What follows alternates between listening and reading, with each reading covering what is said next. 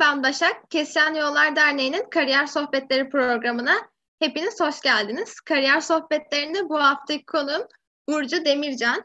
Burcu merhaba, hoş geldin. Merhaba Başak'cığım, nasılsın?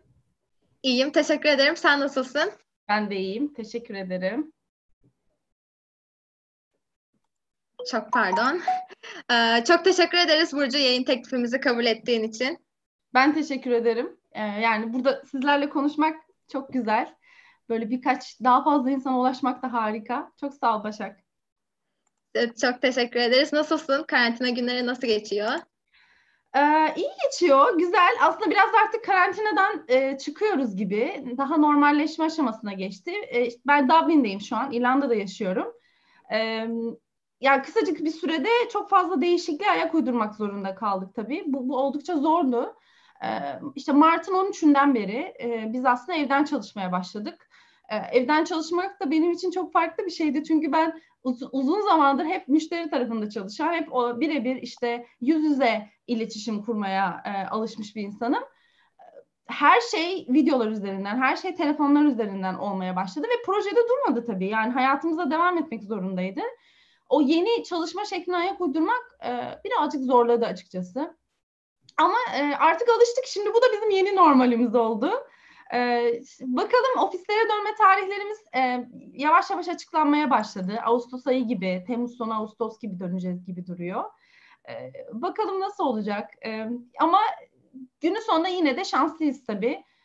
Evden çalışabiliyor olmak da bence çok güzel. Zor günler geçirdik, geçiriyoruz. Hala da endişeli günler geçiriyoruz evden çalışıyor olmaktan dolayı aslında yine de memnun olmak gerektiğini düşünüyorum. O yüzden çok şikayet etmeden e, işime bakmaya çalışıyorum.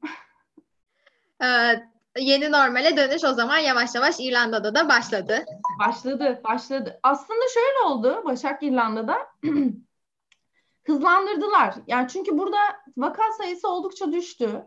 E, günde işte 8 vaka, bir ölüm falan bu bu noktalara geldi son birkaç haftadır.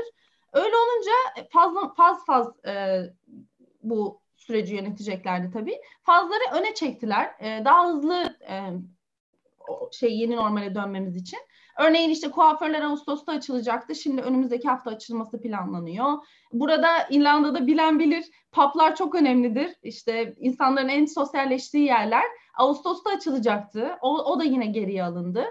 Bunun gibi böyle hızlandırılmış bir sürece girdik. Ee, güzel gidiyor ama ben ben memnunum açıkçası. Burada çok hızlı önlemler alındı. O yüzden çok büyük kayıplarımız da olmadı. Ee, yani kesinlikle şikayet edemeyiz. Ama e, tabii süreç kendisi başlı başına çok stresliydi. Hiç alışık olmadığımız çok farklı bir e, durum e, pandemi durumu. E, ama iyi gidiyor, iyi gidiyor. Yani bence insanların moralleri daha iyi. Havalar da güzel gitti. Burada o da biraz etkiliyor. Genelde yağmurludur, bulutludur burada havalar ama son zamanlarda oldukça güneşli. O da etkiliyor. Öyle güzel gidiyor. Sevindim güzel gitmesine. Şimdi Burcu biz senin özgeçmişini videonun altındaki e, linke yazdık. Okumak isteyen arkadaşlar olursa oradan okuyabilirler. Ama sen de bize biraz kendinden bahseder misin? Tabii bahsederim. Ee, şöyle ben e, 1988 yılında doğdum. Ee, oradan başlayacağım Başak ama. Sen bilirsin. Nereden başlamak istersen. Adana'da doğdum ben. E, ama Adana değilim. Babam mesleği sebebiyle oradaydık. E, ardından e, bir dönem Siirt'te bulundum. E, ilkokula kadar böyle biraz Anadolu Anadolu'da e, zaman geçti. İlkokula başlamadan hemen önce de İstanbul'a taşındık. Bütün ailem, e, geniş ailem de benim İstanbul'da zaten. Bir kız kardeşim var. Onunla birlikte tam ilkokula yakın zamanda biz İstanbul'a yerleşmiş olduk. İlkokulu eve çok yakın bir mahalle okulunda okudum. Ee, onun ardından e, ortaokulda aynı şekilde aynı yerdeydi. Sonra işte biliyorsunuz bugün de hatta lise giriş sınavları vardı sanırım. Lise için işte Anadolu Lisesi hazırlıkları, Fen Lisesi hazırlıkları yapıldı falan. E, ben Vefa Lisesi'ni kazandım. E, oradan sonra işte biraz değişmeye başladı işler.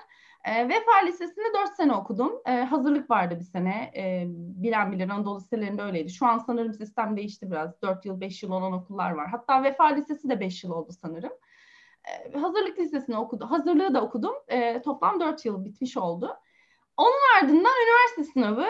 Üniversitede de Yıldız Teknik Üniversitesi Matematik Mühendisliğini kazandım. E, matematik mühendisliğini e, dört buçuk yılda okudum. Çünkü arada bir Erasmus oldu.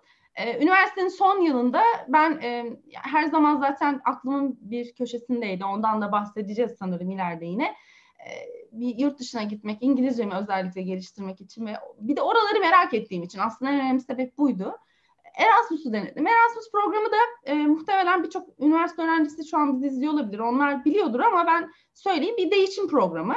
İşte Avrupa'daki farklı okullara e, gidebilme imkanı sağlıyor Türkiye'deki üniversite öğrencilerinin. E, ben e, İrlanda'ya gittim. E, yani şu anda İrlanda'dayım. O zaman İrlanda'ya gitmiştim. İrlanda'da bilgisayar mühendisliği bölümüne e, gittim. Bir bilgisayar mühendisliği bölümüne. Athlone, e, Athlon'da, İrlanda'nın tam e, merkezinde bir okul. Orada da bir iki dönem e, bulundum. iki dönem okudum. O bittikten hemen sonra Türkiye'ye geldim ve okulum daha bitmemişti. İş hayatına atıldım. E, bir danışmanlık şirketinde başladım. İş zekası uzmanı olarak. E, Eretim adında. Ondan sonra da bir sene çalıştım. O arada okulum bitti. Onun ardından koç sisteme geçtim. Koç sistemde de yine e, iş zekası uzmanı olarak çalıştım. Koç sistemin ardından İVA'ya geçtim. Kıdemli danışman olarak. Yine e, o orada IT'di, bilgi teknolojileri bölümüydü ama yaptığımız iş genellikle analitik, e, biraz daha e, iş dünyasına yönelik bu teknolojik çözümler öyle diyelim. Detaylandırırız bunda. E, orada orada çalışmaya başladım. Sonrasında da e, 2016'dan beri Dublin'de e, çalışıyorum. Buraya da işte e, Data Analytics ekibinde veri, veri ve analitik bölümü e, bölümünde çalışmaya başladım. Burada hala kıdemli müdür olarak devam ediyorum. O arada bir de bir Londra oldu e, kısa dönem e, şeyden önce Dublin'den önce Londra'da da çalışma fırsatı buldum.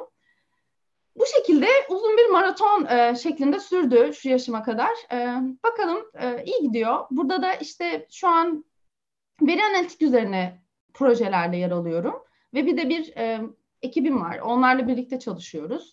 E, farklı projelere gidiyoruz. Daha çok finans sektöründe, e, finans finansal hizmetler sektörü diyoruz biz buna. Sadece bankalar değil, ilk akla gelen bankalar oluyor ama işte sigorta, e, işte varlık yönetimi şirketleri e, vesaire bu gibi bu gibi alanlarda çalışıyoruz daha çok. E, evet böyle devam ediyor Başak. Çok güzel anlattın Burcu. Çok teşekkür ederiz. Yani kariyerinle ilgili sana sormak istediğimiz çok fazla soru var aslında ama biraz daha böyle baştan e, başlayacak olursak ya matematik mühendisliği okuduğunu söyledin. Ya matematik mühendisliğini neden tercih ettin? Her şey daha da komplike olsun diye tercih etmiş olabilirim. Çünkü hiçbir zaman anlatamadım matematik mühendisliğinin ne olduğunu insanlara ben. Şöyle, e, yani bu bu şöyle ilk esasında ben lisedeyken yani şeydim, başarılı bir öğrenciydim.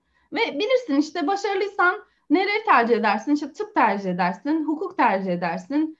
İşte belki bilmiyorum elektrik, elektronik, bilgisayar mühendisliği bunun gibi şeyler tercih ed- ediyordu insanlar genelde. Benim çevremde hep böyleydi. Ee, ben de tıpa bayağı odaklanmıştım esasında. Ama alternatifim de vardı kafamda hep. Matematik, matematikle ilgili bir şey okuyacaktım. Tıp olmadı, yetmedi puanım. Öyle olunca matematikle ilgili de en bana uygun ne olabilecek diye düşünüyordum. Sadece teorik matematik okumak istemiyordum. E, mühendisliğe meraklıydım ama e, çok fazla böyle fizik, mekanik konularıyla da e, işte makine, elektrik gibi hani onu kastediyorum. O tarafta o gibi konularda da çalışmak istemiyordum. Yani matematik mühendisliği benim çalışmayı istemediğim e, yani çalışmayı istemediğim şeylerin haricinde her şeyi barındıran bir bölümdü. Bunu da nasıl keşfettim? Üniversitede okurken pardon lisede okurken e, İTÜ'de bir kariyer şey olmuştu zirvesi veya günü diyelim. Oraya gitmiştik. Orada İTÜ'de de vardır matematik mühendisliği. Zaten iki okulda bir de Işık Üniversitesi'nde var sanırım. E, orada anlatmışlardı. Matematik mühendisliği nedir? Matematik mühendisliğinde işte mühendislik problemlerine e, matematikle nasıl daha iyi çözümler bulabilirsiniz? Bunu e, öğretiyoruz dedi, demişlerdi. Bu çok çok hoşuma gitmişti. Yani bir mühendis kadar bilmek zorunda değilsin. Aslında odağın yine matematik ama mühendislik dünyasını da keşfetmeni sağlıyor. Ee, biraz daha böyle bir e, farklı disiplinlerin ortaklaşa çalıştığı bir bölüm. Ee, herhangi bir sektörde çalışma imkanı sunuyor. Ya örneğin e, benim hani mezun olan arkadaşlarımdan da biliyorum. Finans sektöründe çalışan var. İşte benim gibi danışmanlık yapan, iş analistliği yapan, data analistliği yapan çok insan var. Onun dışında yazılımla uğraşan çok fazla insan var. Yani kod yazan, e, birebir yazılım mühendisliği yapan çok arkadaşım var.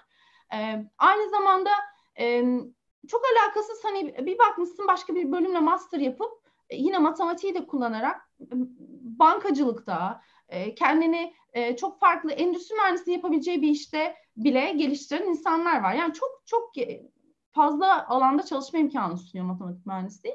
Ben bu fikri çok sevdim. Yani çok teorik matematikle uğraşmayacağım. Matematiği daha pratik olan kısmını öğreneceğim ve biraz daha bilgisayar mühendisliğine de yakın bir kafa. Hani o oraya da e, odaklanabileceğim. Bunu öğrenince ben matematik mühendisliğini direkt zaten e, listemde ikinci sıraya koydum. Yani e, tıptan sonra tıp olmazsa ki iyi ki de olmamış. Yani şimdi bakıyorum kendime bence ben matematik mühendisliğinde daha iyi olurmuşum zaten. E, öyle de oldu. E, ve iş dünyasına da atılmayı çok istiyordum. Hani nasıl desem hep böyle bir hayalimde vardı yani bir iş bir iş insanı olabilmek.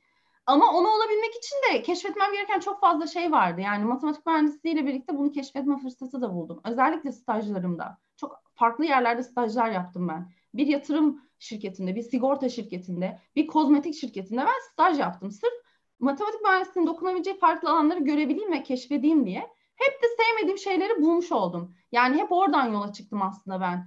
Neyi sevmiyorumu çok net kendime itiraf edebiliyordum. Yani ben neyi sevmiyorum? Ben mesela hukuku sevmediğimi e, lisedeyken kendime çok net söylemiştim. İşte dediğim gibi bu fizik mekanik işte o taraflar hani çok benim hayatımda olmayacaktı.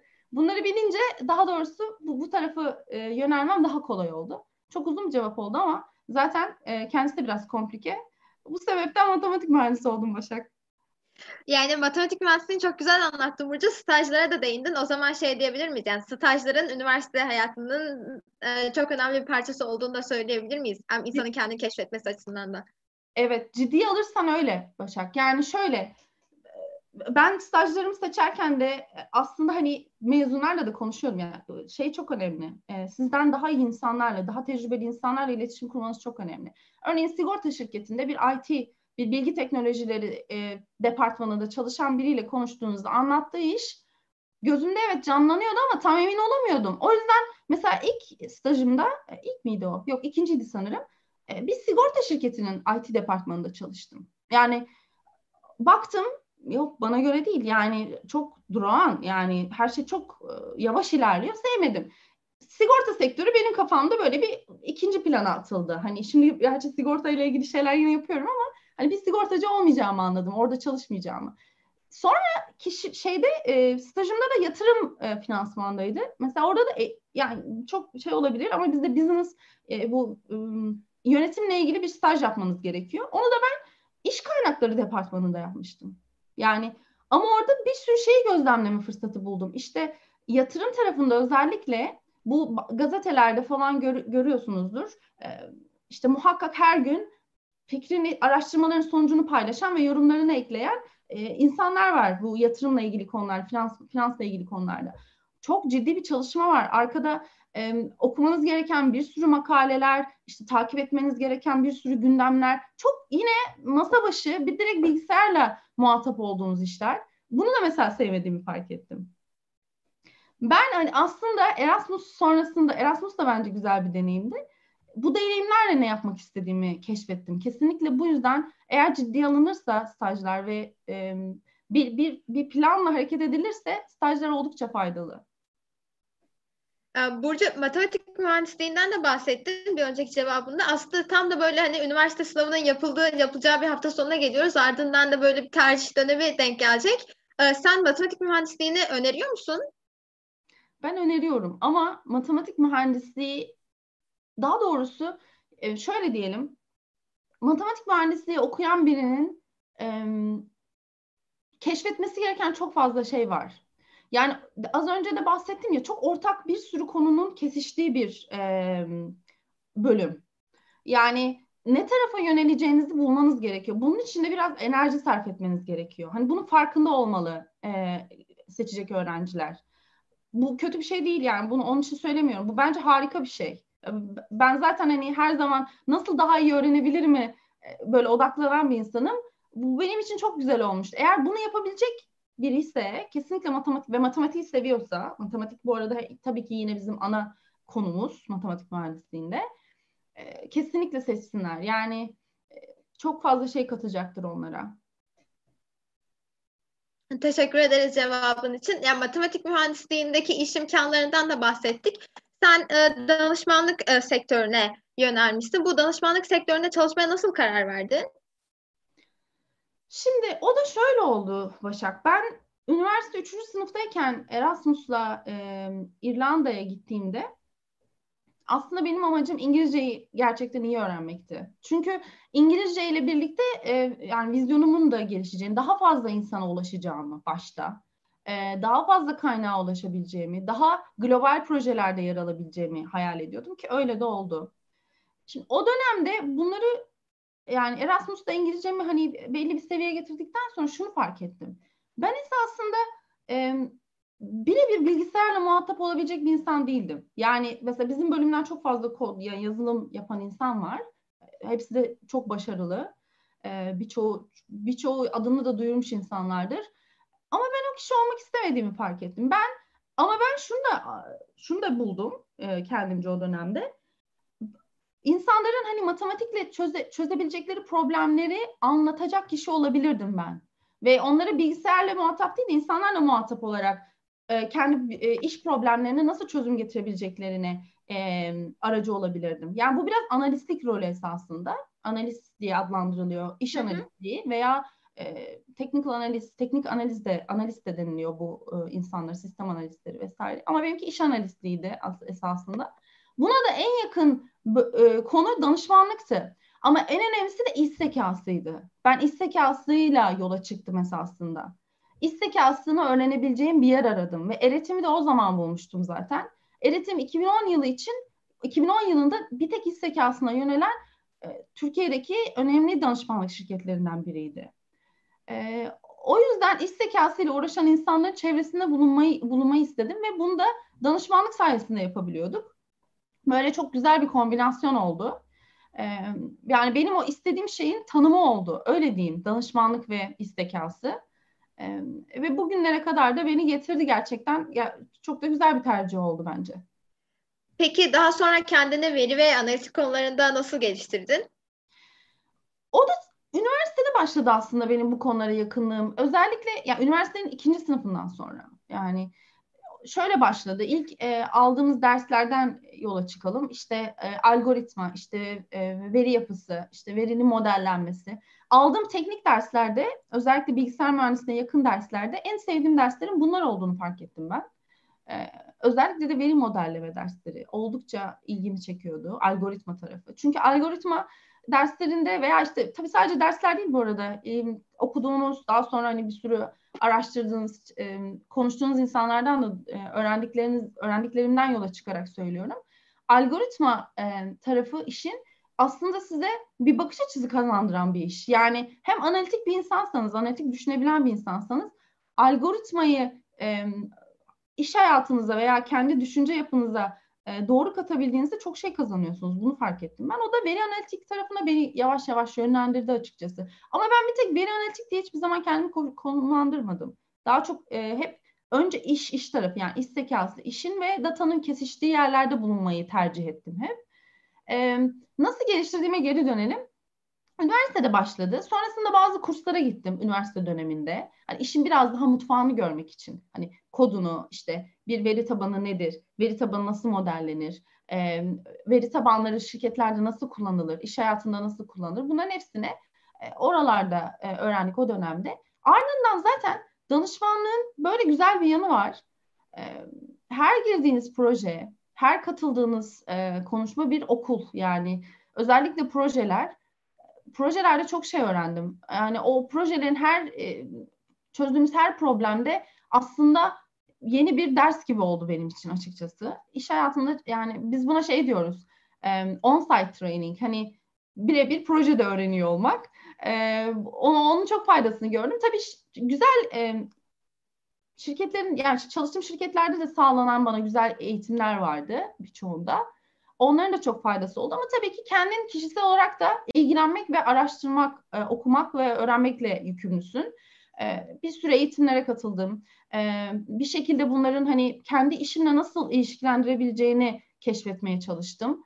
E, yani öğrenmekten hiç e, vazgeçmedim Başak. Hala e, hala bence bu böyle de devam edecek. Yani bu hayat boyu öğrenme şeklinde devam edecek bence bu konular. Çünkü işte şimdi yapay zeka tarafı çok güçleniyor. E, yapay zeka, veri analitik, veri analitiği bunların hepsini böyle harmanlayıp bir araya getirmek için e, çok fazla okumamız gerekiyor. Ama çok şanslıyız ki oldukça fazla kaynaklar var e, ve eğitimler de oldukça kolay artık ya erişimi çok kolay.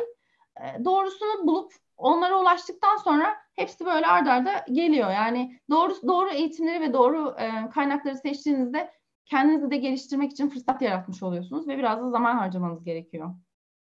Ee, peki yani buraya kadar olan kariyer yolculuğunu dinledik. Senin buraya kadar olan kariyer yolculuğunda en kritik anların nelerdi? Böyle hiç pişman olduğun ya da daha iyi yapabilirdim dediğin şeyler oldu mu? Yani bu benim e, böyle en zorlandığım e, huylarımdan biri. Her zaman daha iyisinin olduğunu düşünüyorum.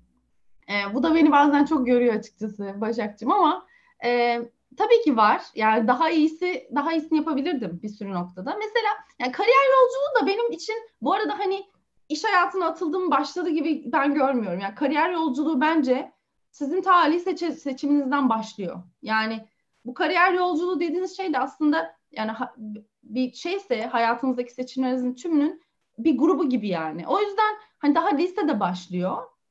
Hani iyi bir liseye gitmekle başlıyor bence. Ee, daha iyi yapabilirdim dediğim şeyler var. Benim mesela zaman çok kıymetli bir şey. Ee, yani zaman zamanın kıymetini hepimizin bilmesi gerekiyor. Zaman kaybına sebep olan bazı şeyler yapmış olabilirim. Örneğin üniversitede e, çift anadal yapmak e, yapmaya böyle bir giriştim. Üniversitenin ilk iki yılında işte matematik mühendisliği okurken başka bir bölümü de okuyayım diye uğraştım. İstatistik bölümü. Ee, o mesela bence çok gerekli değil. Zaten Erasmus'tan dönünce ilk işim oradan kaydımı sildirmek oldu. ya o mesela benim için bir zaman kaybıymış. Zaman kaybı olduğu için de daha iyi yapabilirmişim yani. Onun yerine başka şeyler için zaman harcayabilirmişim. Kişisel gelişimim için bir şeyler yapabilirmişim örneğin. İngilizcem için bir şeyler yapabilirmişim. Bu çok önemli. Yani İngilizceye değinmişken örneğin e, yani okulumdan da bölümümden de yani öyle şey değilim, şikayetçi değilim ama belki şimdiki Burcu olsa şey yapabilirdi. Hani İngilizce eğitim e, veren bir okul e, öncelikli olabilirdi mesela. E, çünkü yani şu anki hayatım çok kolaylık sağlardı e, açıkçası. Erasmus döneminde hayatım çok daha kolay olurdu. İngilizce öğrenmem çok İngilizce öğrenmekle hani bu kadar özellikle ilk yıllarda çok zaman harcamazdım belki. Bu daha iyi olabilirdi. Bunun gibi şeyler. Ama genel olarak hani kariyerim tarafı hani odaklı, kariyer odaklı kısımda yani çok çok da böyle spesifik söyleyebileceğim bir şey yok yani. Çünkü şeyden de bahsederiz belki hani özellikle EY'deyken işte Londra Londra'ya geçişim ondan sonra Dublin'e geçişim bunlar benim hep hayal ettiğim şeylerdi ve oldu. Ee, orada daha iyi ne yapabilirdim bilmiyorum açıkçası. Ama illaki daha iyisi vardır. Bundan eminim Başak. Peki çok teşekkür ederiz cevabınız için. Aslında danışmanlık sektöründeki çalışmak e, ortamından da biraz bahsettin ama yani böyle danışmanlıkta özellikle e, denetleme alanında uzun mesai saatleri olduğu doğru mu? Doğru. yani ben e, şimdi şöyle bir şey ben denetleme tarafında çalışmadım. Şimdi böyle bir durumu da var. Şimdi EY, PwC, Deloitte ve KPMG bu dördü Big Four'da deniliyor e, bilen bilir. Hı hı. Big Four, Big Four olarak adlandırılan şirketlerin farklı bölümleri var. Danışmanlık kısmı var ve denetleme kısmı var. Ben danışmanlık tarafında çalıştım hep. Yani danışmanlık tarafının görevi daha çok e, şirketlerin e, iş problemleri yani business problems diyoruz. Yani kendi çözemedikleri konular veya yardıma ihtiyacı olduğu konularda biz birebir ekiplerimizle gidip onlara destek veriyoruz esasında. Bu veriyle ilgili olabilir, onların bir e, stratejik e, kararıyla ol, ilgili olabilir, ortaklıklarıyla ilgili olabilir, e, bir organizasyon problemi olabilir, her şey olabilir ya da yenilemek istedikleri bir sistem olabilir. Bu, bunların hepsi e, bizim konumuz oluyor. Denetleme tarafı senin bahsettiğin kısım dönem dönem e, şirketlerin yani bütün şirketler aslında e, başka dış ne diyoruz ona dış şirketler tarafından işte bu Big Four dediğimiz şirketler tarafından denetleniyor. Her fonksiyonu denetleniyor. Denetim şirketleri mi deniyor? Evet, evet. Denetim tarafı denetliyor. Ve bazı dönemlerde bu denetleme işi çok yoğun oluyor. Yani şeyden biliyorum, iş arkadaşlarımdan biliyorum. İnanılmaz yoğun oluyor. Yani e, birkaç ay çok çok fazla çalışmak zorunda kalıyorlar. O, o zamanlar gerçekten yani bunu saklayamayız. Evet çok yoğun. Danışmanlık tarafında da yoğunluk var ama. Yani çok yoğun çalışıyorsunuz. Türkiye için konuşacak olursak özellikle e, beni şimdi izleyen arkadaşlarım da vardır Türkiye'den ama yoğun yani. yoğun oluyor. E, özellikle projelerde e, bu galiba biraz müşteri profiliyle de ilgili, pazarın e, ihtiyaçlarıyla da ilgili. E, bilemiyorum. Yani bu bir sürü sebebi var bunların bence. Türkiye'deki çalışma kültürüyle de ilgili olabilir. E, yoğun saatlerimiz oluyordu. Ama bu yoğun saatler özellikle yeni iş hayatına atılmış bir insan için gerçekten çok öğretici oluyor. Yani e, ilk zamanlar ben yaşadığım hani yoğun zamanlar yoğun zamanların farkına bile varmıyordum öyle diyeyim. Benim için o çok normaldi. Çünkü her çalış geçen yoğun zamanda aslında ya e, bir şeyler öğrenmek için çok zaman harcıyorduk. Ekip ekip olarak konuşuyorum. Hani çalıştığım insanlarla birlikte. Ya e, zaten bir projemiz vardı. Başka bir proje için e, böyle deliler gibi çalışıyorduk. Ya da e, hiçbir projemiz bile olmasa hani başka böyle bir işle ilgili bir şey bile olmasa biz bir eğitim için ya da bir e, kendimizi geliştirmek istediğimiz bir konu hakkında zaman harcıyorduk birlikte. Yani oldukça fazla e, hızlı çok hızlı ilerleyen ve kendini çok hızlı geliştirmen gereken bir alan danışmanlık.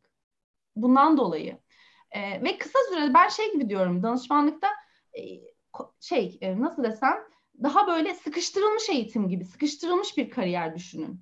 Yani 10 senelik bir danışman aslında 20 senelik e, sektörde çalışmış biri kadar tecrübe sahibi olabilir. Evet yani bu böyle. E, ve çok fazla şey öğrenmenize sebep doğal olarak sebep oluyor bu bu durum.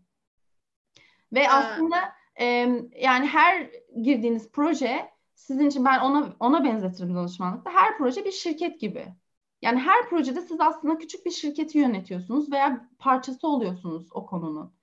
E, projenin işte bütçesidir, kaynak planlaması, e, işte ne zaman e, hangi delivery hani ne zaman hangi işi tanım, tanım, tamamlayacağınızın tanımlanması bunların hepsi ciddi zaman gerektiren detaylı çalışmalar. Bunlarla uğraşmak e, bazen gerçekten şey oluyor hani çok zaman alıyor. Doğru planlanmadığında da kimi zaman projeler siz bir bakıyorsunuz kendinizi ekstra saatlerde çalışırken buluyorsunuz. Ama e, dediğim gibi kariyerin ilk 5 yılında insanların bence bunları kabul etmesi özellikle Türkiye'de kabul etmesi onlara çok şey kazandırıyor bence. O zaman yani çok öğretici bir sektör ama aynı zamanda çok çok da yüksek motivasyon gerektiren bir sektör diyebilir miyiz? Evet, çok doğru söyledin. Motivasyon çok önemli. Yani kendi iç iç motivasyonu yüksek tutabilmen çok önemli. Bunun için de işte kendinin ne istediğini çok net bilmen lazım. Hani e, yani örneğin ben işte ilk ilk beş yılda çalışıp ya böyle olabilir bu arada saygı da duyuyorum herkesin farklıdır düşüncesi. İlk beş yılda ben e, iş hayatına atıldığından beri ya da diyelim ki her insan şunu diyebilir. Ya be, benim için iş tabii ki önemli ama yani işe gidip de ben 10 saat harcamak da istemiyorum. Olabilir. O zaman e, yani danışmanlıkta istediğini bulamayabilir o kişi. Çünkü e, danışmanlıkta doğal olarak kimi zaman oturup 10 saat çalışmanız gerekebiliyor. Yani bu böyle, bu işin doğası böyle. E, iş bile olmasa oturup sizin ekstra kendinizi geliştirmek için zaman harcamanız gerekebiliyor. Çünkü şöyle düşünün. Gelen şirketler, gelen müşteriler sizden aslında fikir almak için geliyorlar. Sizden onlardan daha iyi olmanız gerekiyor onlara bir şey sunabilmeniz için. Değil mi? Evet. Yani onlardan onlara bir şeyler anlatabilmek için hazırlıklı olmanız gerekiyor. Bu en önemli motto zaten. Her zaman hazırlıklı olmak zorundasın. Hazırlıklı olmak için de e, kimi zaman çok zaman harcaman gerekiyor. Yani geçen o ekstra zamanlar bunlar için de harcanıyor. Bunun farkında olduğun zaman da ve öğrendiğinin farkında olduğun zaman da mutlu oluyorsan, motivasyonunu yüksek tutuyorsan e, bence hiçbir sorun yaşamazsın. Ee, Burcu peki biraz da danışmanlık sektöründe e, nasıl terfi alanından bahsedebilir misin? Sen de aslında kıdemli danışman, daha sonra da kıdemli yönetici olmuştun. Yani danışmanlık sektöründe nasıl terfi alınır? Bir danışman nasıl kıdemli danışman olur? Ee, şöyle şimdi danışmanlık ya bana göre ter, ya önce terfi almak hakkında konuşabiliriz. Yani terfi almak nedir?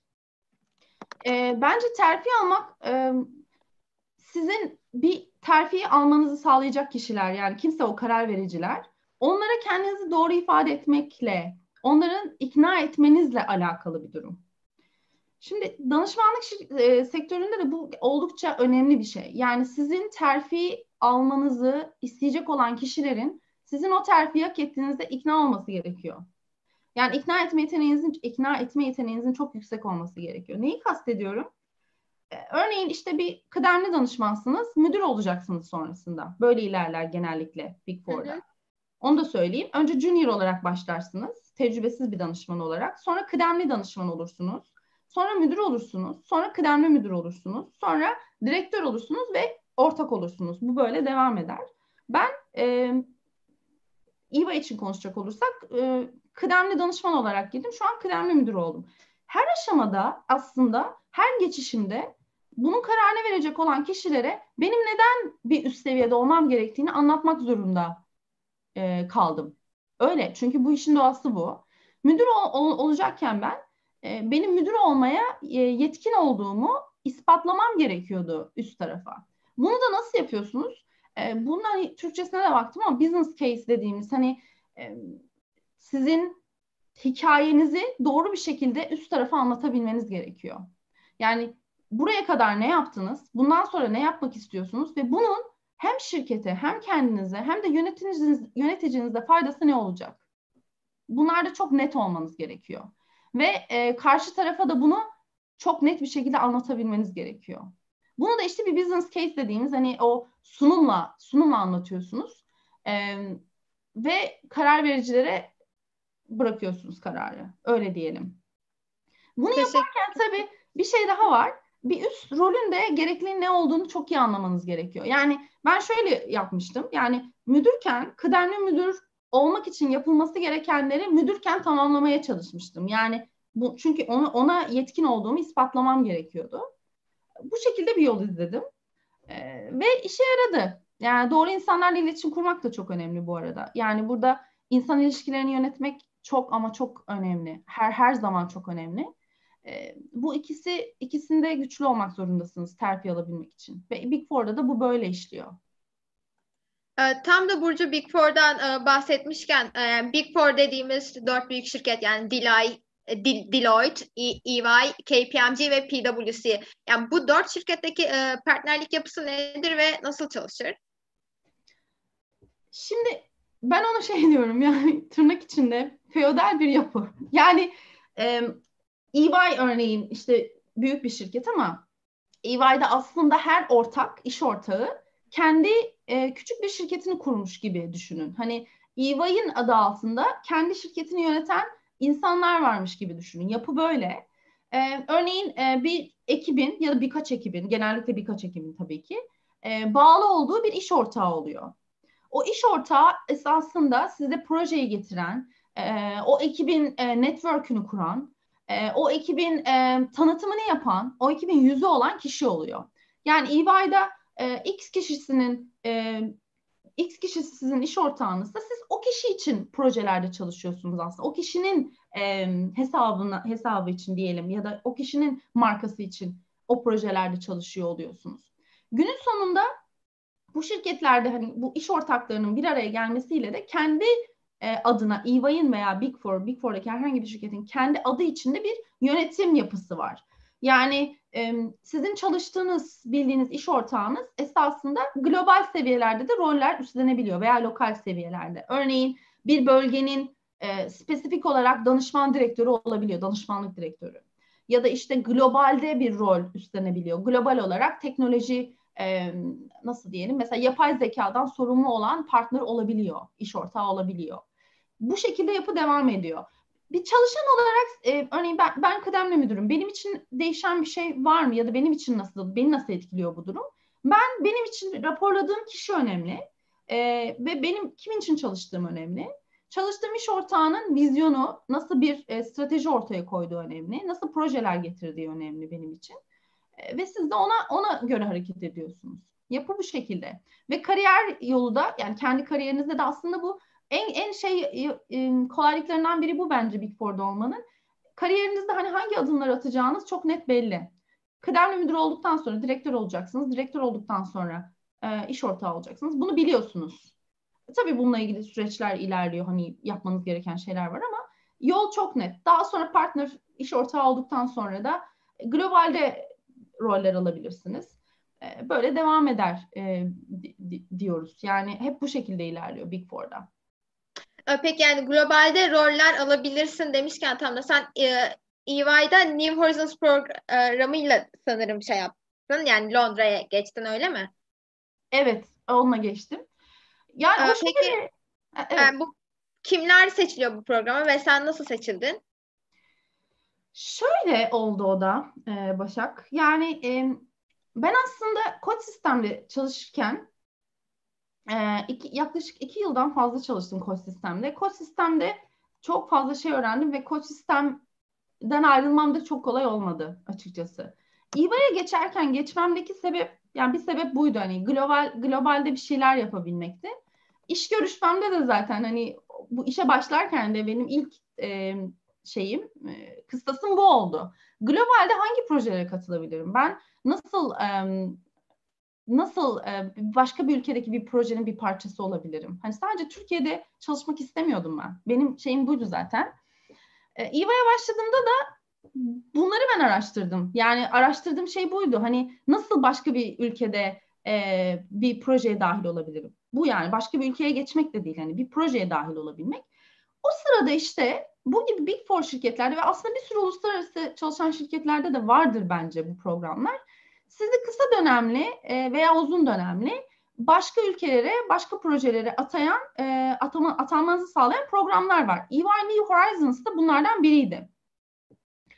E, kimleri tercih ediyorlar? Aslında onlar kimseyi tercih etmiyor. Siz kendiniz buluyorsunuz ve kendinize aday gösteriyorsunuz. Öyle diyeyim. Hani özellikle kimse gelip Burcu işte Başak sen EY New Horizons'la şuraya gideceksin olmuyor. Belli koşulları var. Ee, siz aday olmak istiyorsanız o koşulları e, cover etmeniz, o koşulları karşılayabilmeniz gerekiyor. Ee, benim dönemimde şöyleydi New Horizons'daki kurallar. İşte e, yüksek performanslı bir çalışan olmak, en az kıdemli danışman olabilmek e, ve güçlü bir yine business case diyeceğim ama güçlü bir hikayenizin olması. O hikayeyi anlatabiliyor olmanız. E, ben ona hikaye diyorum ama bu tabii bir sunum. Hani yaptıklarınızı ve yapacaklarınızı anlattığınız bir sunum.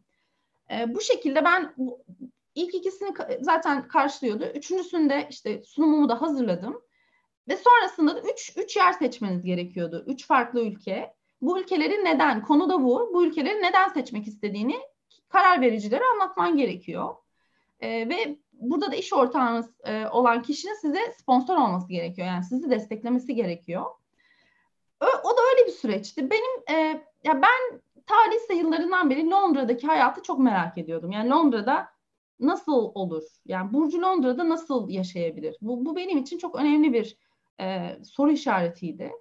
E, o yüzden tabii ilk, ilk tercihim Londra'ydı. Londra'da neden e, çalışmalıyım? Ben Londra'da neler yapabilirim? Bunları anlattım e, sunumumda. Sonrasında iki şehir daha vardı. Amsterdam ve Varşova. Ne yapıyorsunuz? İşte bu ülkelerden insanlarla iletişim haline geçiyorsunuz. Oradan belki hani e, sunumunuzu güçlendirmek için bir şeyler bulmaya çalışıyorsunuz aslında. Oradaki insanlardan belki bir referans alıyorsunuz. Belki onlarla konuşuyorsunuz, hedefinizi anlatıyorsunuz. Ben bunları yaptım. Ve daha sonra da bunu gelip kendi sponsorunuza anlatıyorsunuz. Sponsorunuz sizi desteklediği zaman da e, bir iş görüşmesi şeklinde bir 3-4 tane 4 taneydi sanırım görüşmeye giriyorsunuz. Bu New Horizons'ın bir ekibi var vardı o zaman. O ekiple iş görüşmesi şeklinde görüşmelere giriyorsunuz. Bunları da geçtikten sonra ka- programa kabul ediliyorsunuz. Programa kabul edilmek demek e, hangi ülkeye gideceğinizin bilinmesi demek değil. Daha sonra da bir ülke ataması oluyor. Yani ben programa kabul edildim. Daha sonra da e, hangi ülkeye gidebileceğimi söylediler. Londra'da hiç IT ile, bilgi teknolojileriyle, data ile, veriyle ilgisi olmayan bir bölüme kabul edilebileceğimi söylediler. İster miyim diye sordular. Ben de tabii istedim. Çünkü e, birincisi aslında merak da ediyordum. Yani orada orada hani sadece veri tarafında hep IT tarafında çalışmış biri olarak e, diğer taraflarda işlerin nasıl yürüdüğünü merak ediyordum. Benim için güzel de oldu. Sonrasında Londra'ya gitmeme sağladı bu program benim. Londra'da da e, çok farklı bir ekiple çalıştım aslında. Marka yönetimi ekibiyle çalıştım. EY'in kendi merkezi marka yönetimini yapan, birebir bizim CEO'muzla çalışan bir ekiple çalıştım.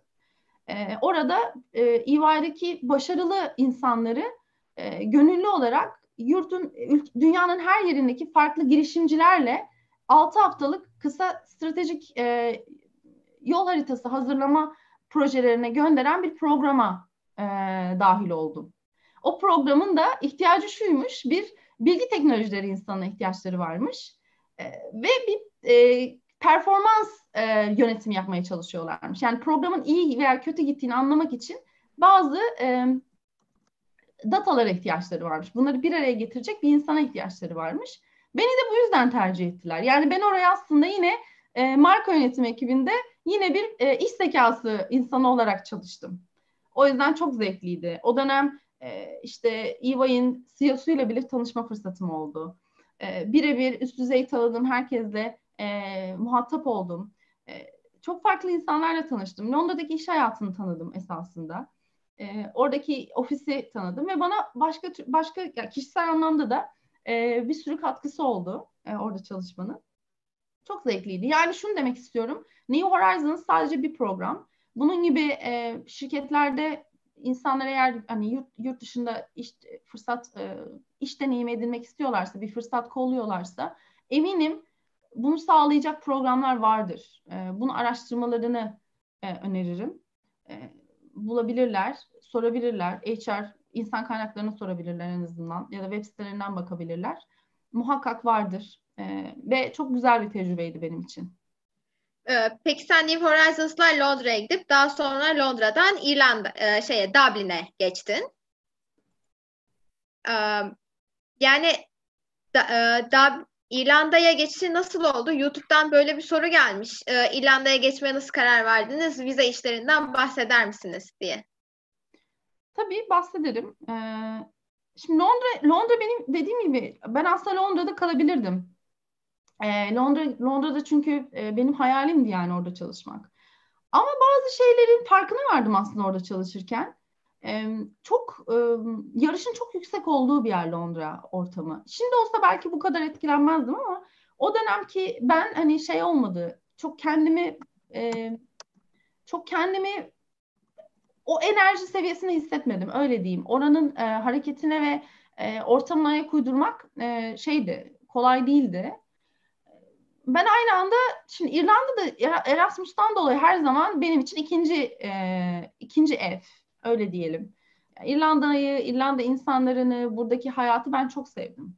E, buradaki e, anılarım vardı bir kere. Hani Erasmus zamanından gelen anılar çok önemli bir şey. Yaşanmışlıkların olması çok önemli. Yaşanmışlığın olduğu yeri insan daha fazla seviyor.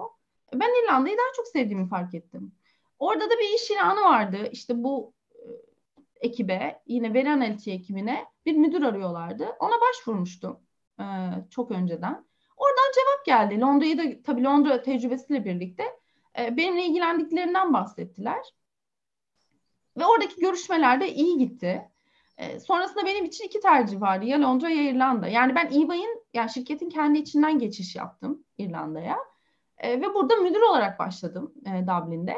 E, o geçişin geçişi sağlayan bir şey tabii Londra'daki tecrübemdi. İkincisi de benim e, İrlanda ile ilgilenmem, yani Dublin ofisiyle iletişim haline geçmemdi. E, bundan dolayı oldu. Burada e, buraya geçmem yani onu sormuşlar hani neden İrlanda diye. Dediğim gibi en önemli benim için en önemli faktör insan. E, buradaki insanlarla daha iyi iletişim kurabildiğimi ben fark etmiştim. E, kendimi daha iyi anlatabildiğimi fark etmiştim. Bu, bu çok önemli. Yani iş hayatında bu, bu bence en kıymetli şey. Kendinizi doğru ifade edebilmek. Doğru ifade edebildiğinizi fark etmek ve karşınızdaki insanların sizi dinlediğini görmek. Bu çok bu çok önemli bir şey. E, ve İrlanda insanları gerçekten bize çok benziyor Irishler. E, bence öyle. Yani ben çok yakın buluyorum kendimi onları. E, o yüzden buraya geldim. E, vize işleri vize işleri biraz zor. Onu sormuşlar. Yani benim dönemimde de zordu ama şu aralar sanırım daha da zor e, şeylerde bir çalışma izni almak özellikle. Farklı farklı vize tipleri var. Benim ve burada bir de şöyle bir kategorizasyon var. critical skills employment diyorlar. Hani sizin eğer çalıştığınız alan kritik bir alan olarak belirlenmişse vize almanız daha kolay oluyor. Onların kategorileri tabii son dönemde değişmiştir belki de bir bakmak gerekir ama benim çalıştığım alan IT tarafı yani bilgi teknolojileri, veri, analitik, yazılım tarafları kritik e, rol olarak görülüyor. Bu yüzden bir şirket sponsorluğunda vizenizi e, almanız bir parça daha kolay oluyor öyle söyleyelim. Çünkü şirket size ön ayak olmuş oluyor. Şirket sizi çağırmış oluyor, davet etmiş oluyor ülkeye. Benim o şekilde olmuştu. Ee, EY benim için sponsor olmuştu buraya buraya gel, gelmem için.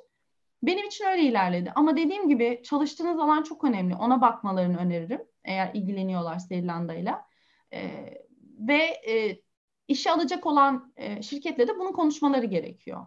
Onun dışında normal vize süreçleri yani hangi ülkeye giderseniz gidin zaten e, biraz e, zorlu geçiyor açıkçası. Yani zaten hepimiz maalesef bu vizelerle ilgili muzları biz. Yani çok zaman harcıyoruz bu konulara. E, yurt dışına gitmek isteyen insanlar için söylüyorum ya da gidenler için. E, benim böyle bir sürecim oldu tabii. Hala da devam ediyor. Yani şu anda da hala işte yenilemeniz gerekiyor, takip etmeniz gerekiyor vesaire. Böyle devam ediyor. Çok teşekkür ederiz cevabın için. Peki e, danışmanlık sektöründe hala orada bir açık var mı İrlanda'da? Danışmanlık sektöründe bir açık e, yani var, hala yani aranan var. insanlar açık hep var e, Başak. Yani çünkü e, bu şimdi ben bugünü düşünüyorum da hani Covid ile birlikte biraz durumlar değişti. Korona ile birlikte açıkçası ama e, danışmanlık sektörü çok dinamik bir sektör. Yani e, şeyi de çok yüksektir. İşe turnover denir ona. E, giren çıkan hani şirkete giren çıkan e, şirketin e, şöyle demek istiyorum. İşe alınan ve işten çıkan insan sayısı oldukça yüksektir. Oran oldukça yüksektir. Çok dinamik bir yapı. O yüzden danışmanlık sektörünün her zaman açık var. İyi danışmanlara çok ihtiyaç var. Burada da kastım şu. Şimdi bir danışmandan hangi danışmanlıkta çalışırsanız çalışın beklenen belli başlı şeyler var. Bunlardan birincisi iletişim yeteneğinizin çok yüksek olması. Ee, ikincisi e, ikna edebilme yeteneğinizin çok yüksek olması. Ee, üçüncüsü de iyi bir dinleyici olmanız. İyi bir dinleyici olmanız ve e, karşı tarafı karşı tarafı yönetebilmeniz, yani idare edebilmeniz durumu, ekibi idare edebilmeniz, proje idare edebilmeniz, e, müşterinizi idare edebilmeniz. Bunların hepsi çok çok önemli. Bunlar olduktan sonra da diğer şeyler başlıyor. Yani teknik ihtiyaçlar. Finansta işte finans alanında adının biliniyor olması. E, işte data, veri ve analitikse veri analitik tarafında bilinebilen, bilinen bir insan olması. Bunlar hepsi çok kıymetli oluyor. E, doğal olarak hep bir açık var. Açık kesinlikle var. Teşekkür ederiz cevabın için. Ee, peki Burcu yani e, sen İrlanda'ya uyum sağlama konusunda hiç sorun yaşadın mı? Ailen ve arkadaşların Türkiye'de kaldığı için özlem duyduğun anlar çok oluyor mu? Olmaz mı? Oluyor tabii ki.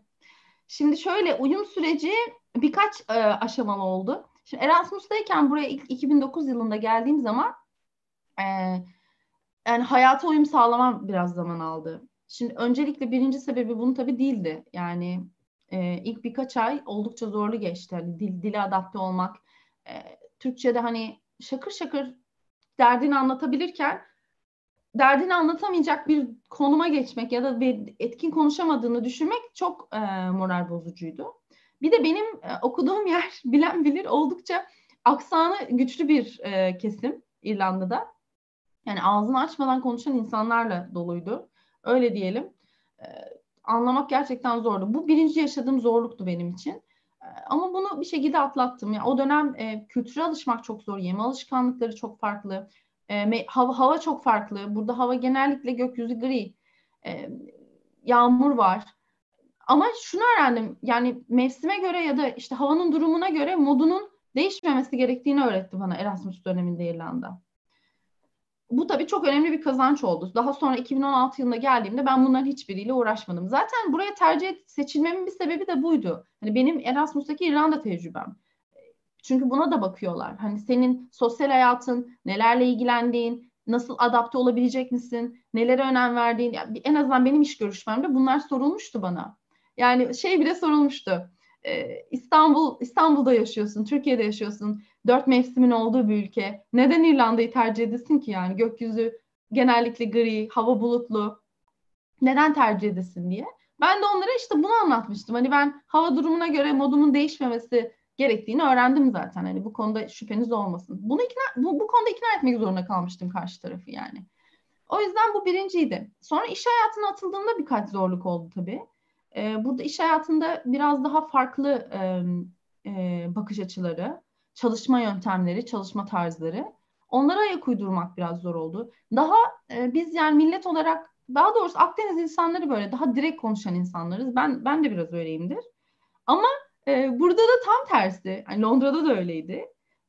Indirect dediğimiz hani direkt söylemeden dolandırarak bir lafı e, anlatmak anlatmak konusunda çok başarılılar. Yani e, bunu da öğrenmek biraz zaman al. Bilmiyorum öğrendim mi? Sanmıyorum o kadar iyi öğrendiğimi. Ben hala e, seviyorum direkt konuşmayı ama bu da mesela bir zorluktu benim için. E tabii aileden uzak olmak, arkadaşlardan uzak olmak her zaman bir zorluk. E, bir de e, Türkiye'deki iş arkadaşlarımla genellikle ya oradaki iş arkadaşlarımla genelde böyle daha bir yakın oluyorsun. Burada insanlar daha mesafeli oluyor. E, o da tabii özlediğim şeylerden biri.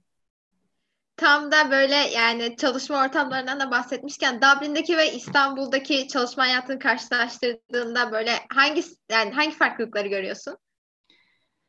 Şöyle Başak, farklılıklar yani hem negatif hem pozitif yani negatif pozitif de demeyelim ama öyle adlandıralım. Hani negatif ve pozitif anlamda şeyler var. Şöyle ki Türkiye'de çalışırken önce şunu söyleyeyim. Burada şunu şu farklı.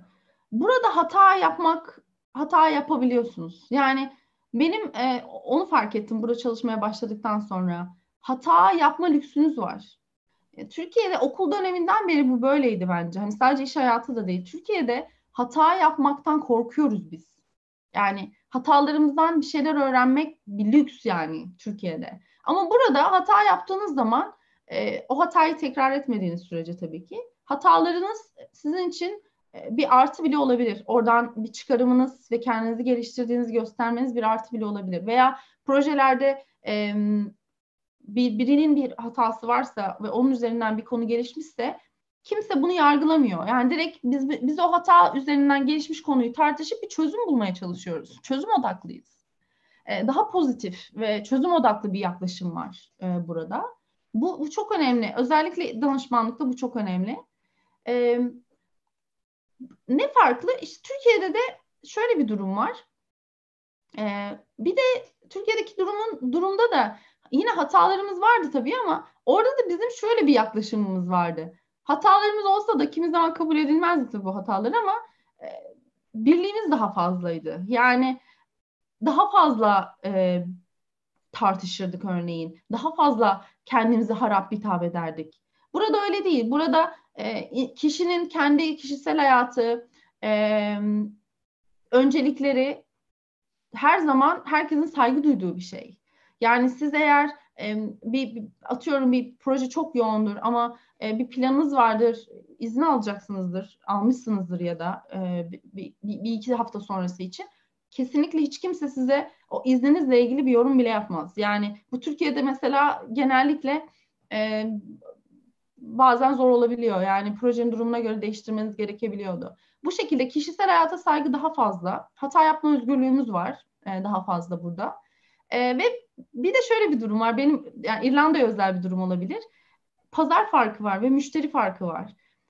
Türkiye'deki e, ortam çok stresli bir ortam ve çok hızlı değişen bir ortam. Bundan dolayı e, insanlar daha stresli. Müşteriler de, çalışan çalışma arkadaşlarınız da, yöneticileriniz de çok ama çok stresliler ve bu çok anlaşılabilir bir durum. Burada da özellikle İrlanda'da e, tam tersi. Yani e, ortam yani gazete gazete sayfalarındaki sayfalarından bile farkı görebilirsiniz. Yani daha stabil, daha sakin, insanların stres seviyesi daha düşük. Bu da tabii e, işte yani benim gibi çok stresli ve e, böyle yoğun bir ortamdan gelmiş biri için çok kolaylık oluyor. Hani benim için azıcık onlar streslendiğinde bile ben daha rahat karşılayabiliyorum bunu hala. e, hala o içimdeki o e, Türklük durumu şey değil yani ölmüş değil. İş hayatında bana bu bir kolaylık sağlıyor. Bu şekilde anlatabilirim yani aradaki farkları. Çok teşekkür ederiz e, e, Burcu cevabın için. Yani bir soru vardı. E, biraz uzun bir soruydu. Zaman kalırsa sorarız diye sona saklamıştık o soruyu. Yani sormak istiyorum.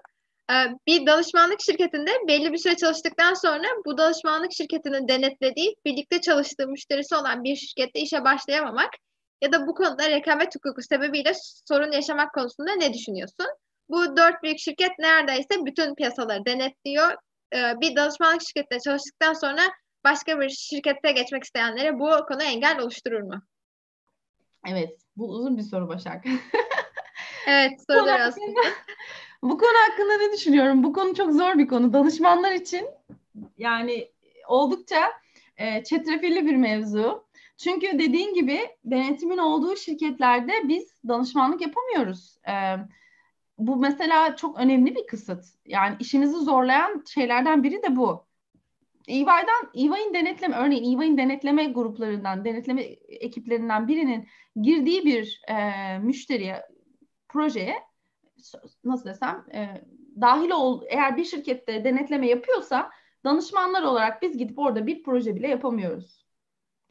Bu maalesef bizim ya benim öyle tecrübelerim de oldu. Koca koca projeleri sonlandırmak zorunda kaldığımız durumlar oldu bundan dolayı.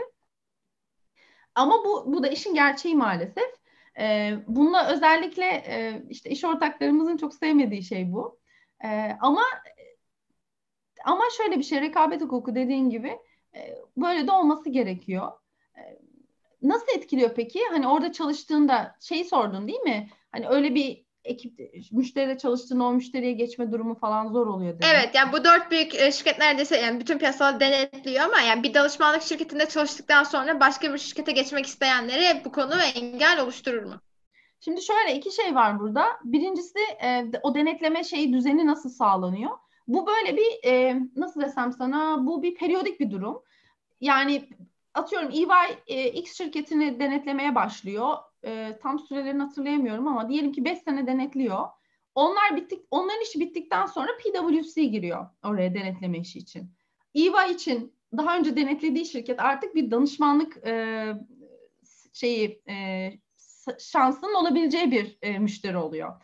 Böyle bir şey var, ortam var. Yani EY'in bıraktığı e, müşteriyi PwC alıyor. PwC'nin bıraktığı müşteriyi Deloitte alıyor. Deloitte'in çıktığı yerden EY tekrar belki başka bir proje satmaya çalışıyor. Böyle çok ta- hızlı gelişen ve çok dikkatli bir şekilde takip etmen gereken bir pazar var. E, her yerde bu böyle. Bu birincisi. Ama ortam bu şekilde. Ee, orada işe girebilmek, girememek bu da tamamen e, genel olarak şöyle diyeyim. Tabii bu, bu her zaman senin yöneticinin dikkatini çeken bir durum. Sen daha önce orada danışmanlık yaptığında bile hani denetimlemeyi bırakıyorum bir kenara bırakıyorum. Danışmanlık yaptığında bile müşteri tarafına geçmek istediğin zaman e, bu bir sorgulanır. Yani anlaşılmaya çalışılır. Çünkü sonuçta sen danışmanken edindiğin bilgiyi müşteri tarafına geçtiğinde kullanıyor olacaksın.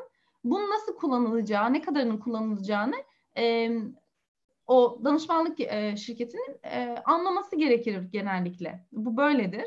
Biraz zor bir durum olabiliyor kimi zaman. Müşterisine ve konusuna göre değişiyor. Bazen çok e, hassas e, projelerin olduğu zamanlar oluyor. Hani confidential dediğimiz hani söylem bizim hani saklamamız gereken başkalarına bildirmememiz ya da bilgilendirmememiz gereken konularda projelerimiz olabiliyor. Şimdi sen bunu bilirken e, danışmanlık şirketinden ayrılıp o şirket tarafına geçtiğinde sana güvenmeleri biraz zaman alabiliyor. Bazen hatta bu yasak da olabiliyor. Bu durumlarda işte sen tercihini ona göre yapmak zorunda kalıyorsun. Bunlar gerçekten yaşanan şeyler.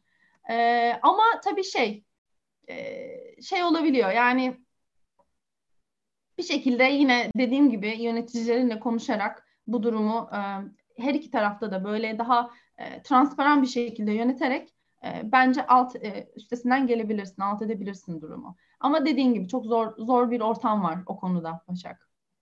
Teşekkür ederiz Burcu cevabın için. Şimdi aslında iş yani senin eğitim hayatından ve e, iş hayatından bahsettik. Biraz da iş dışında e, ne yaptıklarından bahsetmek istiyorum. Özgeçmişinde de gördüğüm kadarıyla aynı zamanda aktif bir Toastmaster'sın. Yani Toastmaster hakkında e, bilgi verebilir misin? Neden e, Toastmaster olmak istedin? Verebilirim. Yani Toastmaster az önce sormuştun ya neyi daha iyi yapabilirdin diye. Mesela Toastmaster'a daha erken başlayabilirdim yani. Onu da, onu da açıklarım şimdi zaten. Şimdi Toastmaster deyince hani to- toast herkes şey gibi anlıyor. Hani ne, ne yapıyorsunuz bir araya gelip kadehler mi kaldırıyorsunuz falan. İngilizceden hani toast, toast kelimesinden dolayı. Öyle değil. Toastmaster e, benim Londra'dayken keşfettiğim bir e, kulüp, bir topluluk. E, ben e, şeyi çok severim. Yani tiyatroyu, e, sahnede olmayı, topluluğa konuşmayı severim. E, severmişim daha doğrusu. Şimdi onu daha daha iyi anlıyorum. E, ben şeydeyken, Londra'dayken bir arkadaşım vasıtasıyla bu Toastmaster toplantılarından birine davet edildim. Dedi ki bana arkadaşım, Burcu sen gel bak çok seveceksin dedi. E, ondan sonra tamam dedim gittim. Biz İva'nın da kendi kulübü varmış orada hani bilmiyordum. Toastmaster kulübü varmış gittim. Çok enteresan. İnsanlar sahneye çıkıyorlar. E, bir moderatör var. E, ardından o moderatör işte e, konuşma hazırlamış insanları davet ediyor. O kişiler sunuyorlar konuşmalarını. Konuşmalar tamamıyla günlük hayattan, işle ilgili falan hiçbir şey yok. E, sıkıcı hiçbir konu yok. Çok şey öğreniyorsun. Ardından da o konuşmalar değerlendiriliyor başkaları tarafından. Hemen o an çıkıp başka bir kişi de o konuşma hakkında e, geri bildirim yapıyor senin neyi iyi yaptığını, neyi kötü yaptığını veya işte neyde daha iyi olabileceğini anlatıyor. Aynı zamanda da rastgele kişiler seçilip bir e, konu verilip o kişinin hemen doğaçlama konuşmasını şey konuşmasını istiyorlar. Yani ben dedim ki bu yani bu işte benim istediğim şey bu. Hani gerçekten orada bir aydınlanma yaşamıştım. E, o zamandan beri de Toastmaster'la bir şekilde hep bağım oldu. E, Londra'da her, her toplantıya katıldım ama orada tabii kısa süreliydi. Ondan sonra İstanbul'a bir dönem, e, bir süre ben İstanbul'da kaldım Londra'dan sonra. Orada da İstanbul'daki birçok Toastmaster kulübüne gittim. Akşamları toplantıları oluyor. E, Türkçe olanlarına gittim, İngilizce olanlarına gittim. E, sonra da Dublin'e yerleşince Dublin'de hemen yine bir piyasa araştırması yaptım. E, kendime en uygun olabilecek Toastmaster kulübünü buldum ve oraya üye oldum. Ondan sonra benim için Toastmaster macerası daha formal olarak başlamış oldu. Daha formal bir Toastmaster oldum. Kendi konuşmalarımı hazırlamaya başladım. E, sonrasında beni yönetim kuruluna davet ettiler. Orada bir görev üstlendim. E, böyle böyle şu an çok güzel bir grubum var burada da. Mesela Toastmaster ekibi ekibiyle de çok güzel e, görüşüyoruz, buluşuyoruz, konuşuyoruz. E, çok şey öğrendim onlardan da. Yani topluluğa hitap etme sanatını öğretiyor Toastmaster. E, ilgilenenler olursa e, bu global bir topluluk. E, dünyanın her yerinde yani Gana'dan tutun da işte e, Kaliforniya'ya kadar Hindistan'a kadar her yerde bir Toastmaster kulübü bulabilirsiniz. Edindiğiniz sertifikalar da global seviyede sertifikalar. Yani her yerde geçerliliği olan sertifikalar. Ve ama en önemlisi de e, iletişiminizi güçlendirmeniz için bence e, kullanabileceğiniz inanılmaz bir yöntem. İşte gidiyorsunuz, e, kendi kendinize aslında hem aktif dinlemeyi öğreniyorsunuz en önemli şey. E, nasıl e, bir topluluğa hitap edebileceğinizi öğreniyorsunuz. E, birebir iletişimde nasıl kendinizi geliştirebileceğinizi öğreniyorsunuz. Ve belli başlı böyle kendinizi geliştirebileceğiniz e, yollar tanımlanmış vaziyette Toastmaster'da seçiyorsunuz. Mesela motivation, hani motivasyon artırıcı konuşmalar mı yapmak istersiniz? İnovasyon planlama hakkında mı konuşmak istersiniz? Buna, bu konular e, konular dahilinde konuşmalar hazırlayıp kendinizi e, kendi konfor alanınızdan çıkıp kendinizi sahnede e, zorlayarak daha iyi bir konuşmacı haline getirebiliyorsunuz. E, ben de bunun çok faydasını gördüm tabii ki. E, özellikle de İngilizce anlamında, e, ardından da e, topluluğa konuşma anlamında ve tabii ki birebir konuşmada çok çok faydasını gördüm. E, danışmanlık sonuçta iletişim işi. E, iletişiminizle her şeyi hallediyorsunuz. Öyle diyebilirim. Bu açıdan da Toastmaster benim için çok iyiydi. Ama bence e, sahneye çıkıp topluluğa konuşmak konusunda e, endişesi olan kişiler en azından bir kere bir toplantıya gitsin ve bence görsün. Şimdi e, korona sebebiyle tabii birebir toplantılarımız olamıyor maalesef yüz yüze. Ama biz video toplantılarla devam ediyoruz. E, işte ayda iki kere bu toplanıyoruz. E, çok keyifli oluyor. Benim benim çok önemli hobilerimden biri. EY'de de Dublin'de de e, Dublin ofis için de bir kulüp kurma e, çabam oldu. Orada da işte kulübün hani başkanı oldum, başlattık, e, bir bir süre devam etti. Tabii şu an e, maalesef durmak zorunda kaldık ama orada da bir kulüp var. Böyle e, biraz e, zaman harcıyorum Toastmaster için. Teşekkürler bu cevabın için. YouTube'dan şu an Toastmaster'la ilgili bir soru geldi. Toastmaster'da tartışma şeklinde aktiviteler var mı yoksa sadece konuşma şeklinde mi diye. E, tartışma şeklinde de var. E, dediğim gibi farklı tiplerde e, paketler nasıl desem ona yani pathway diyorlar. Hani kendi kendin farklı bir şekilde farklı e, alanlarda seçim yapabiliyorsun. E, bu tartışmalı konuşma da senin kendini geliştirmek istediğin bir alansa seçebileceğin bir konu. E, ama çoğunlukla hani soru soru, soru onu sanırım anlamaya çalışıyor e, soran kişi. Çoğunlukla konuşma şeklinde oluyor. Ama konuşurken bazı şeyler var mesela teknikler var. Siz konuşurken e, seyirciyle de nasıl e, bir e, iletişime geçeceğinize de karar verebilirsiniz. Yani seyirciyle konuşabilirsiniz, seyirciden soru alabilirsiniz. Bunun formatı tamamen sizin elinizde. Orada sahneyi yöneten ve konuşmanın sahibi sizsiniz. Ee, ve sizin şovunuz. Yani sahnede sizin şovunuz. O yüzden tartışmalı konularda kesinlikle tartışmalı bir tarzda kesinlikle şey olabilir. E, Toastmaster'da bir tarzımız bir bir e, konuşma şeklimiz olabilir yani. Teşekkürler burada cevabın için. Ee, son sorumu soracağım. Zaten vaktim, vaktimizi de açtık. Ee, Türkiye'nin ve dünyanın farklı yerlerinde bizi izleyen, bu alanda kariyer yapmak isteyen gençlere tavsiyelerin nelerdir? Ee, yani tavsiye demeyelim ama hani belki tecrübelerimden yola çıkarak herkesin tabii kendince e, değerlendirmesi ve düşünmesi gereken konular, yani ne istediğini bilmek. Bence şuradan yola çıkmalarında fayda var. Ee, bazen insan ne istediğini ya da ne, neyi sevdiğini bulmakta zorlanabiliyor. Ee, bence neyi sevmediklerine odaklansınlar bazen. Yani neyi sevmediklerini bulduklarında geriye kalan şeyler onların zamanı harcayabilecekleri konular oluyor. Ben hep öyle yaptım. Neyi sevmediklerini bilsinler muhakkak ve bu konuda da gerçek olsunlar. Yani kendilerine karşı dürüst olsunlar e, ve bu, buna göre e, hareket etsinler. E, bir de hayal etsinler. Yani hayallerinin de e, onların onları yönlendiren şey olmasına dikkat etsinler. Çünkü kendi iç dinamiklerinizi yüksek tutabilmenin yolu bence hayallerinize bağlanmanız. Hayallerinize varabileceğinize inandığınızda onlara varmak için hangi aksiyonları almanız gerektiğini de planlıyor buluyorsunuz kendinizi. O yüzden lütfen hayal etsinler ve bırakmasınlar. Yani vazgeçmesinler. Çünkü bu zor bir yol. Yani kolay değil. Hiçbir zaman kolay olmayacak. Bunu bilsinler. Hiç, hiç kimse de kolay bir şekilde e, belli e, bir noktaya ya da hayallerine ulaşmış değildir. Ben buna inanmıyorum. E, şans evet var ama şansın gelmesi için de yapmanız gereken şeyler var. E, bunları da işte hayallerinizle e, harekete geçirmeniz çok önemli. Klişe gibi gelebilir ama bu böyle bence. O yüzden gerçek olsunlar, hayal kursunlar ve çok çalışsınlar. Çalışmak çok önemli. Burcu çok teşekkür ederiz cevabın için ve yayınımıza katıldığın için de tekrardan çok teşekkür ederiz. Biz çok keyif aldık. Ben teşekkür ederim Başak.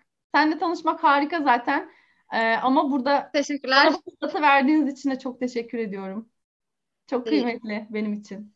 Teşekkür, teşekkür ederiz. Ee, gelecek hafta yarın yine aynı aynı saatte e, Erman Pattuk'la bir yayın, yayınımız var. E, gelecek haftada aynı pazar günü yine aynı saatte Berna Güroğlu bizlerle olacak. E, ve e, yayınlarımızı takip etmek için videonun sağ alt köşesindeki subscribe'a e, tıklamayı, tıklayıp kanalımıza abone olmayı unutmayın. Bizi izlediğiniz için çok teşekkür ederiz.